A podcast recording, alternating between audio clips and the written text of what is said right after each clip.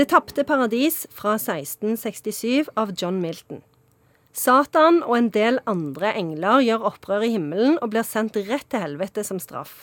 For å ta hevn bestemmer han seg for å korrumpere Guds nye skaperverk, jorda, og favorittskapningen, menneskene.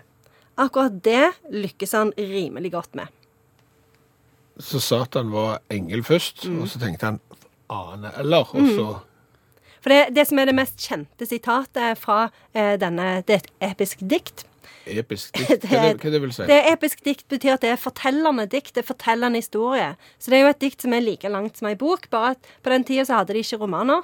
Så de syntes at det var mye tøffere å skrive veldig lange dikt. Na-na-na, når Satan kom og dro til Edens hage, la-la-la-la-la, i 300 sider. Ja, mange limericker etter hverandre, tenker du. Ja, er, er det det? På en måte. Okay. Ja. men, i hvert fall. Det som Satan sier, da, det er at det er bedre å herske i helvete enn å tjene i himmelen. Så han er lei av å liksom bli hunsa med av Gud, så han tenker jeg starter en revolusjon, får med seg masse andre engler. Gud vinner jo etter fem minutter, og så liksom OK, ned til helvete med deg.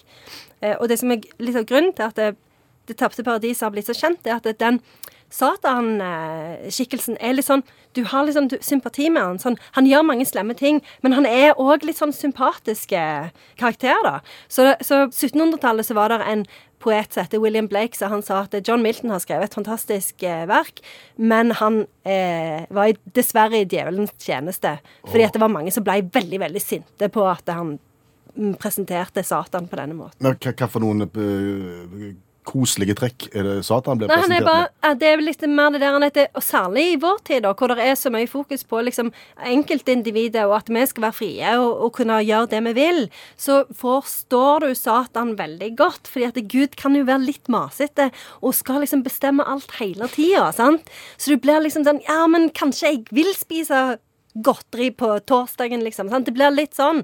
Og i vår tid, hvor vi liksom har denne her dyrkingen av individet, så, så, så skjønner vi det veldig godt. Eh, men den egentlige helten er jo Jesus, da.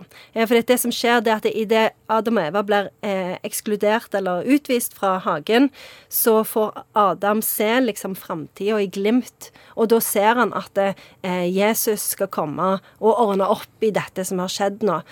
Og så får du jo sånn inntrykk av at det, dette har vært Guds plan hele tida, da.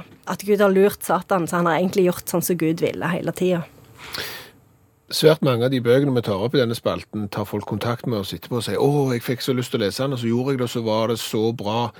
1600-talls episke dikt i, med og troké, eller hva det heter for noe. Ja, og rim. Høres tungt ut å Ja, inn. Ja, men det er ganske tøft òg, altså. Og det er jo oversatt, da. Det er oversatt til norsk. Eh, så jeg ville anbefalt det. Er ganske spennende, altså. Kjør på med episke dikt i sommer, tenker jeg. Kanskje vanskelig å hente ut et sitat fra et episk dikt? Kanskje vanskelig for andre, men ikke for Sa hun med stor selvsikkerhet. Nei, men jeg hadde bare det ene sitatet som jeg allerede har sagt, men jeg kan si det på ny, fordi det er så bra. Det er jo Satan som sier 'bedre å herske i helvete enn å tjene i himmelen'. OK.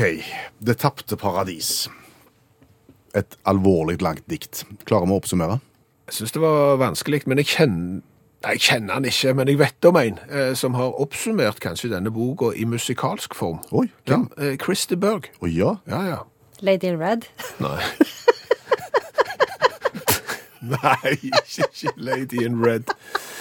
Chris de Berg, Spanish Train, kampen mellom Gud og djevelen, som spiller kort om menneskesjeler. Omtrent, tror jeg, det denne boka handler om. Spennende. Ja, det syns jeg. Ja. Nå tar dette nye retninger. ja, og Christy Berg er jo norgesvenn av alt, så det, jeg syns dette høres helt strålende ut. Vinn-vinn. Ja. Chris Berg er en fin fyr, du skal bare ikke sitte barnevakt foran, da kan det bli dårlig stemning. Det sier ikke mer om det. Vet du ikke hva som skjedde? Nei. Nei, men da kan du søke opp det òg. Tusen takk, Janne Stigen Drangsholt, forfatter og litteraturviter.